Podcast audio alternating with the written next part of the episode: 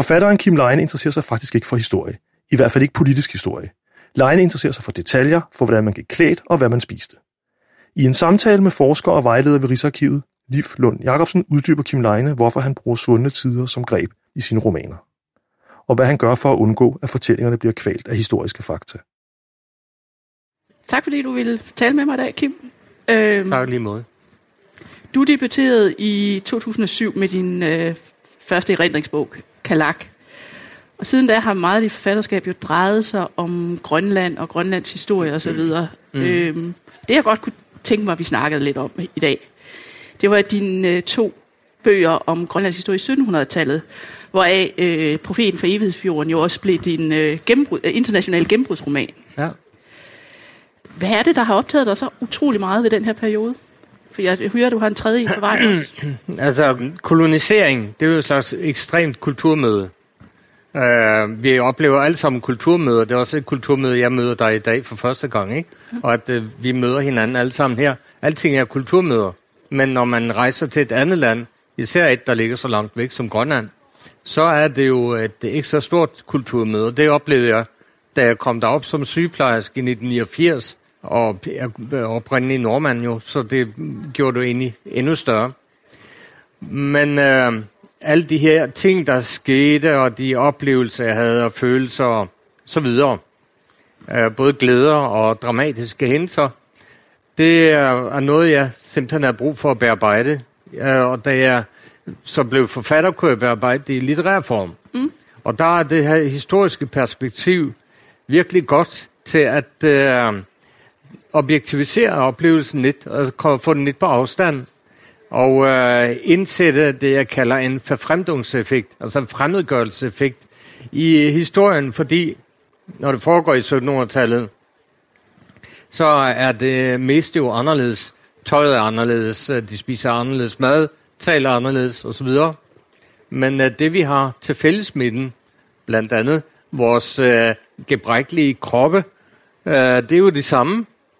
Og øh, vi har den samme angst og den samme forhåbning om, at vores liv skal forløbe godt, så videre. Så vi har nogle ting, øh, eksistentielle ting til fælles med de her mennesker, som så træder ekstra tydeligt frem på et bagtæppe af noget eksotisk og mærkeligt og forunderligt, som ligger tilbage i 1700-tallet. Så det er det, jeg bruger det historiske perspektiv til. Mm. Det er ikke, fordi jeg egentlig er særlig interesseret i historie, og det er jeg ikke.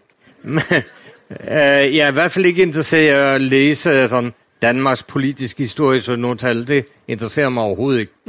Øh, så, så lidt som muligt er det. Men det, der interesserer mig, det er mikrohistorie.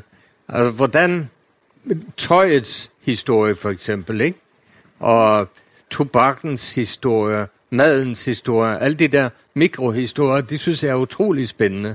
Og jeg synes også, det er spændende at øh, læse om at undersøge, hvordan mennesker, der er ligesom mig, øh, har måttet underkaste sig nogle forhold, der er ekstremt anderledes end dem, jeg øh, underkaster mig. Så kan jeg selvfølgelig også læse om folk, der lever i Australien eller Indien eller hvor som helst. Men det er den der afstand der, som øh, virker så spændende og interessant, og som gør mig nysgerrig. Fordi vi er jo alle sammen ens, men vi lever alle sammen så utroligt forskelligt.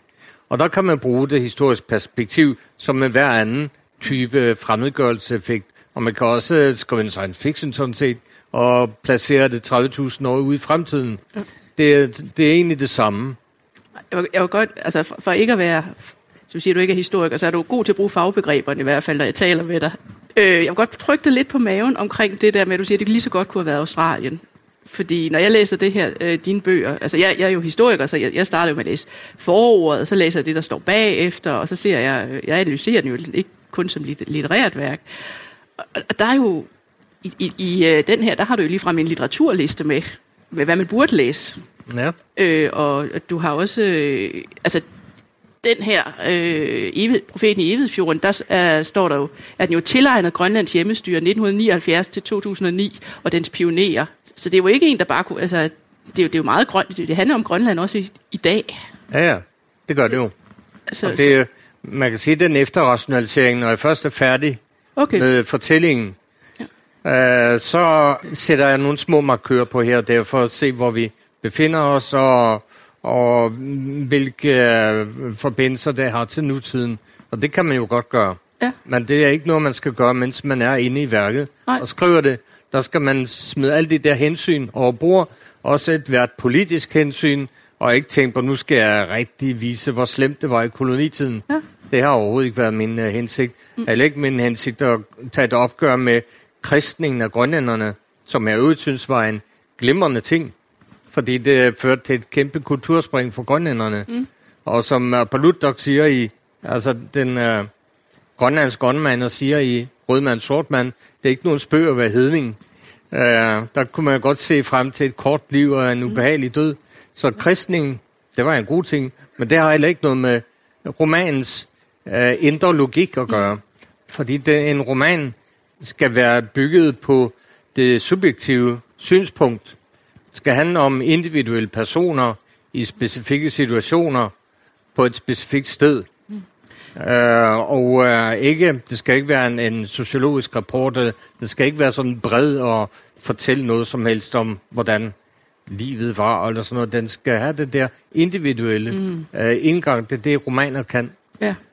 Og det er også det, du gør meget, altså du også skriver, at, at du er historiefortæller, og det, det er derfor, vi sidder og taler sammen, mig som historiker, og dig som, dig som fortælleren. Og, og det er jo, øh, altså som historiker er det jo frustrerende, fordi du kan jo fortælle nogle meget bedre historier, end jeg kan. Øh, og du kommer jo meget tættere på, end, end, end jeg kan, som hele tiden er, er begrænset af fodnoter og, og en eller anden form for kildekritik og, og sådan noget. Mm. Og det, øh, da jeg talte med dig i telefon her, før vi skulle ind det her, så, så, så var jeg jo stensikker på, at du havde siddet med øh, næsen dybt begravet på Rigsarkivet og, og læst alle de originale kilder. Men det var jo ikke helt... Der øh, overraskede jeg, du mig. Jeg ved dog nok, hvor det ligger inde. Har en stående invitation til Jeg hører, at der er nogen, der har set mig på Rigsarkivet. Det, det, ja. Så det må være altså øh, et genfærd, fordi jeg har ikke været der. Nej. Og, øh, og jeg vil gerne, jeg har meget nysgerrig på, og jeg, jeg har også været lidt bange for det. Men det er også romanforfatterens blufærdighed Ja. over for den der hardcore viden, ikke? Og man viger lidt tilbage for det, ligesom uh, historikeren måske viger lidt tilbage for, for historiefortælleren. Så der har vi sådan en, øh, en øh, gensidig blufærdighed mod hinanden. Mm. Og det kunne godt være, at vi skulle mødes lidt mere i fremtiden. Ja. Og, men når, som øh, øh, forfatter, der skriver research-litteratur, der har man to størrelser siden på skuldrene. Man har magikeren her, mm. som laver det, kun han kan, nemlig fortælle en historie. Mm. Øh, og det er en skrøbelig proces, og han skal helst ikke forstyrres for meget, fordi han er ret neurotisk og usikker på sig selv. Jamen, det Men gælder så også kommer-. Magisteren, han sidder nemlig herover, og hver gang han forkert, kommer med et forkert bilmærke eller forkert årstal eller sådan noget, så siger magisterne, hov, hov, hov. Og hvis han får afbrudt for mange gange, så går magi, magikeren i stå. Mm. Og så bliver der ikke nogen historie ud af det. Uh, så det er lidt den kamp, man kæmper, som, uh, når man skriver research-litteratur. Du sagde også, øh, og det, det synes jeg var meget, øh, det havde jeg ikke tænkt over, men at det faktisk var svært at, at finde materiale om det her i Danmark, eller du, du havde været, din, din, øh, den historiske viden, du havde fund- fundet, den har du været måtte du, til Tyskland og, og finde, og Ja, altså det har været uh, noget Herrn Hutter-historie. ja, øh, hvor jeg har støvet igennem alle mulige steder, spurgt mange mennesker, øh, og så skrevet til Rigsarkivet, men jeg har ikke været derinde, om øh, korrespondancen mellem mm. Hans Egede og Christian David, som var herr Hutternes formand, ja, øh, i der, de første herr Hutter i, i øh, Godthåb. Og fordi jeg vidste, der forelå en uh, skriftlig korrespondance, en slags pseudoteologisk diskussion, som udviklede sig til et skænderi, og som der er mange, der har skrevet om, men ingen har kunnet henvise til, hvor det foreligger henne, mm. eller hvor man kan finde det. Og det var der ikke nogen, der vidste. Det var ham der, den, øh, øh, en øh, præst i 1800-tallet, han har transkriberet cirka en fjerdedel af det, mm. men øh, så gad han åbenbart ikke mere. Og det, øh, transkription er jo lige så ulæselig som originalen, så det hjælper ikke så meget. Men det er dog på dansk. Øh, men det her er altså en øh, brevveksling, der er skrevet af en mand, Hans Ede, der skriver dårligt tysk, og en tysker, Christian David, der ikke har en skid forstand på teologi, og de skal altså diskutere teologi på tysk skriftligt, mens de bor 500 meter fra hinanden. De kan jo ikke tåle syn af hinanden. Ja. De kan jo ikke uh, mødes og bare snakke om det. Uh, men der løber så en eller anden, et eller andet bud frem og tilbage med de her depecher, ikke? Jeg får en fantastisk historie. Og det er så bare en god historie. og Jeg var så nysgerrig efter at finde den her brevveksling. Ja. Og øh, endte med at finde den ned i Herrn Hutter-arkivet i Tyskland, mm. hvor den lå, og hvor de kopierede det hele for cirka 1000 kroner og sendte det til mig. Så um, der fik jeg det, og så skulle jeg så stave mig igen noget af det. Man har kun læst en brygdel af det, mm. fordi det er på gammelt tysk, og det er skrevet meget snirklet af to personer, som ikke var specielt gode til at skrive. Men jeg fik uh, altså, jeg fik uh, ånden i det, mm. og det er det, man skal som uh, forfatter. Man behøver ikke uh, finde ud af alt, hvad de har skrevet, og det præcise sandhed i det. Det er helt unødvendigt. Man skal finde ånden i det, og jeg fandt ud af, at de havde været meget høflige mod hinanden hele tiden.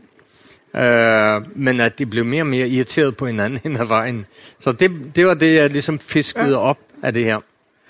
Så på den måde tager man ligesom den signifikante detalje mm. som uh, romanforfatter, og man behøver ikke ligesom researche på alt. Man kan godt researche sig ihjel, og der er der nogen, nogle forfatter, der er dygtige til at researche. De er ja.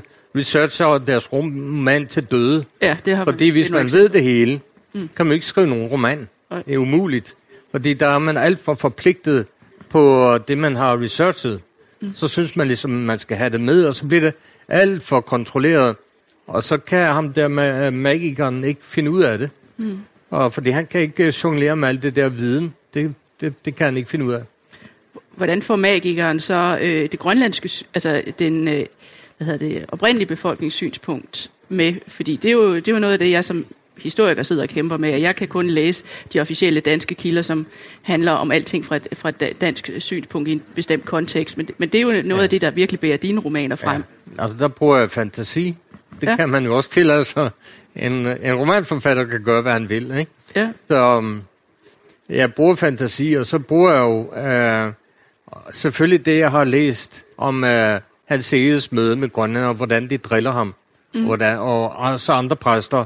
Det ting, jeg har læ- læst for mange år siden, og det er sådan med, når man har lavet research for mange år siden, og læst historiebøger og sådan noget, og dagbøger især, som jo er det bedste, så internaliserer man på en måde sin research og gør den til en del af sin egen erindring.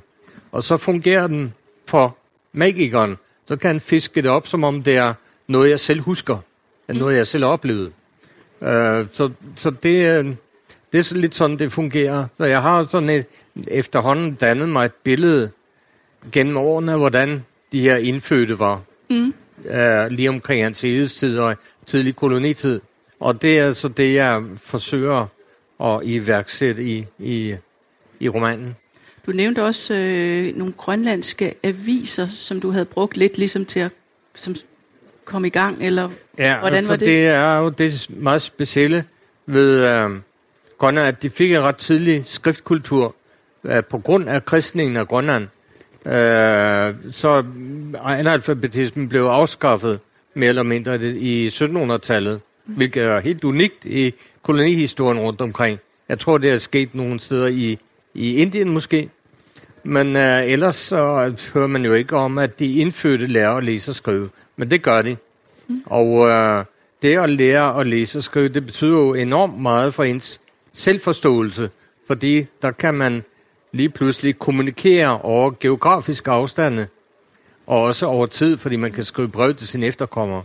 Og når man kan det, så skal man lære at se sig selv. Fordi man siger, sådan er jeg, og sådan har jeg det nu, og det her og det lavede jeg i dag. Og det betyder enormt meget på ens, øh, måske nationalfølelse endda. Mm. Og i hvert fald øh, finde ud af, hvem man er. Så det udmyndtede sig, den her skriftkultur, som i 1700-tallet kun var en brevkultur, men så blev det en salmeskrivnings, salmedækningskultur og lidt senere prosakultur. Der er desværre ikke bevaret noget fra 1700-tallet. Nej. Men i 1800-tallet, øh, der lavede man en grønlandsk avis. Det var grønlænder, der lavede det, producerede det, skrev det på grønlandsk for grønlændere. Så det var 100% grønlandsk projekt, og det var endda øh, koloreret avis.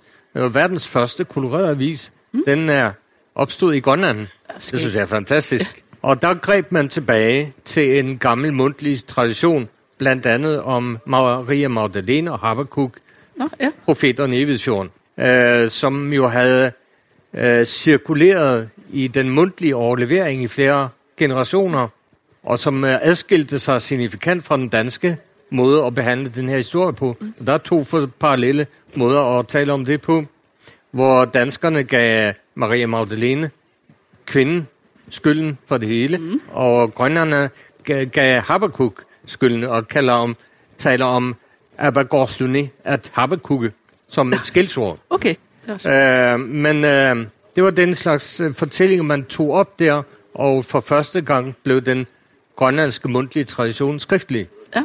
Og øh, Aaron fra Ganga, kunstenmaler, han nok mest kendte for at have illustreret nogle af de her fortællinger. Og ellers var det så egens øh, historier, historier fra min øh, barndom og sådan øh, øjebliksbilleder fra rundt omkring på kysten, som havde brevforbindelse til øh, trykkeriet. Mm. Det lå så i Sydgrønland, men og det havde også hovedbase i Gotto. Ja, ja fordi øh, vi, vi må jo sige, at vi mangler lidt arkivalier derfra, øh, altså viden om, om, om den her periode. Og en del af det handler jo også om, at øh, skibet Hans Hedtofte øh, gik ned i øh, 1959 med omkring øh, 16 tons grønlandske arkivalier. Øh, øh, det var faktisk hele Sydgrønlands øh, inspektorat, vi mistede der, øh, plus en del af kirkebøgerne. Så, så, så har virkelig været nogle, nogle huller i vores viden om Grønland i, i, i den her tidlige periode. Ja. Øh, og det er der jo sådan set også stadigvæk. Altså, jeg kan da, jeg, da jeg gik i skole, kan jeg ikke huske, at Grønlands historie i hvert fald var noget, jeg blev undervist Nej, det er jo altså et gammelt problem, som der bør gøres noget ved, og det, det bliver der også, nu, nu er der lige udkommet en uh, flerbinds, uh, flerbindsværk om uh, vores kolonier, blandt mm. andet et bind om Grønland, ikke? Ja. Redigeret af Jens Reinrich. Og uh, Mik Vro har skrevet sin slavetrilogi, og der kommer måske lidt mere opmærksomhed mm. på vores kolonifortid. Men uh, angående tidlig Grønlands kolonitid, der fylder det simpelthen for lidt ja. i historiebøgerne. Og hvis du tager den store autoritative historieskriver, Finn Gad, som har skrevet tre bind plus ekstra bind om uh, Grønlands historie, har nået op til over 1800, ja. og så kommer man ikke længere. Men uh, det er jo et kæmpe værk på flere tusind sider. Ja. Der fylder de første meget afgørende og katastrofale år i kolonien, det fylder 10 sider. Ja. Og det er jo klart, det forplanter sig til undervisningsmateriale. Mm. Sådan at det jo det bliver formindsket ned til ingenting. Mm. Og, og så kommer den der skamfølelse oven, oveni, som man måske har over for Grønlands historie, så tænker jeg, at ah, vi gemmer det væk. Ja, ja. Det er ikke nødvendigt. Det fylder alligevel så lidt, og det behøver vi ikke og... tage med. Og så forsvinder det. Ja. Og det at øh, vi, øh, eller at man under Frederik den 4 tog 24 straffefanger, 12 mænd fra Bremerholm, en arbejdslejr for bortløbende soldater, og 12 kvinder fra tugthuset, altså prostituerede, og tvangsskiftet med hinanden ved lodtrækning mm. i garnisonskirken, og sendte dem afsted for at etablere det moderne Grønland. Ja. Det ved man jo ikke noget om. Nej, det... Og det er jo så selvfølgelig en skandaløs historie, men den er også morsom, og den siger noget utrolig meget om en tid, der var fuldstændig underlagt kirken. Og den eneste, der var over den enevældige konge, det var biskoppen, ikke? Ja. Det var det eneste, han var bange for. Men en kristen tid, som havde sådan et kynisk menneskesyn, det burde man vide lidt mere om. Men det forsvinder lidt. Og det, er, det er synd og skam, det håber jeg kommer til at fylde lidt mere. Nogle andre, der også er forsvundet, øh, altså for vores Grønlands historier om Grønland, det er jo alle nordmændene og hollænderne og alle ja, dem, der var ja. før danskerne. Ja, nemlig. Altså op til hans side 1721, der var det jo hollændere, der ejede landet. Mm. Øh, og det betragtede de helt naturligt som deres øh, revir. Mm. Og de havde mange huse deroppe langs kysten. Og så da hans side kom, der mødte han en befolkning, der talte hollandsk. Altså grønlænderne talte ja. hollandsk til ham. Og han kunne til nød gøre sig lidt øh, forståelig ved at bruge tysk. Mm. Øh, men de havde et stort vokabular på hollandsk. Ja. Og da danskerne så begyndte at bygge øh, vallose og kolonier og sådan noget, så kom de i kambolage med hollænderne, som helt naturligt mente, at de havde ret til det her land, mm. og at øh, nu skal der da ikke komme med nogle danskere og tro, at de ejer det hele. Så der var en del træfninger, og hollænderne brændte danskernes huse ned og sådan noget. Så, um, så det, det tænker man ikke så meget på.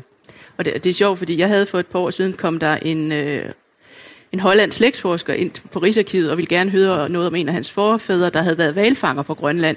Og jeg var fuldstændig blank. Altså, øh, han, han havde alle mulige fantastiske materiale fra Holland, og han vidste, hvor de havde overvintret, og hvor meget og hvor lidt, ja. og sådan noget. Jeg kunne, jeg kunne intet finde Nej. i, i de danske arkiver. Nej. Og noget andet, det er også, at øh, det fortrinsvis var et norsk projekt op til 1814.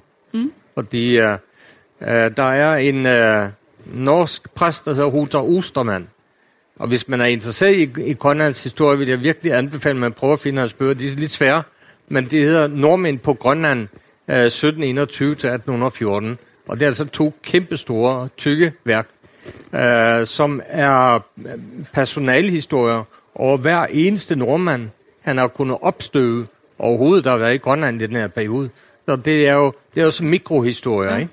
Som mikrohistorier sådan vifter, sådan de, der kaster et lys ind over den tid gennem en person. Ja. Uh, og derfor, og han følger den lige fra de uh, bliver født, og de går i skole i Danmark eller Norge, og kommer til Grønland, og så deres liv der, og så deres sidste år tilbage i enten Norge eller Danmark. Meget, meget interessant. Og der opdager man jo, hvor enormt mange nordmænd der var. Og de allerfleste, og hans ede var nordmand for eksempel, ikke? stammede fra Danmark godt nok, fra Vesterede. Men øh, han var nordmand, mm. ligesom de fleste andre. Og så har han skrevet øh, en tilsvarende bog om danskere i Grønland, og den er meget tynd. Faktisk nok, fordi der var næsten ingen danskere. Så det var en norsk projekt. Og øh, for eksempel det grønne, jeg tror, jeg har en mistanke om, jeg ikke kunne få det bekræftet, at øh, det grønlandske sprog har en del øh, norske låneord. Okay. For eksempel øh, balasi, som betyder præst. Det er, lyder for mig som en øh, øh, forvansning af det nordnorske ord for præst, som hedder præst. Og hvis man sætter et, øh, hvis man laver æret om til L, hvilket grønlænderne naturligt vil gøre, og øh, sætter en vokal ind mellem P og R, ja. så får du ballas. Ja. Og så sætter det et I til sidst, så får du ballas i. Mm. Det er lidt uh, min uh, personlige teori. Og at der også er nogle andre uh, norske låneord i uh, det grønlandske sprog. Mm. Det lyder som om, at der er rigtig mange livskæbner og ting, som som magikeren kan kaste sig over i, i Ja, det er også fordi, man har den intuitive tilgang, ja. og det giver nogle shortcuts til nogle erkendelser, som som regel er totalt forkerte. Det er klart, det er ligesom en slags uh, Thor Heyerdahl, ikke, der rejser ud og, og har fantastisk og finder noget, der er fuldstændig forkert. Ja. Men det, det er jo også det er en god spændende, historie. og man kan også finde noget, der er rigtigt. Ja. ja. Jeg tror, vores tid uh, sammen er ved Allerede? Ja, det var det var jeg er først begyndt. og det var super spændende. tak, tak for det. Selv tak.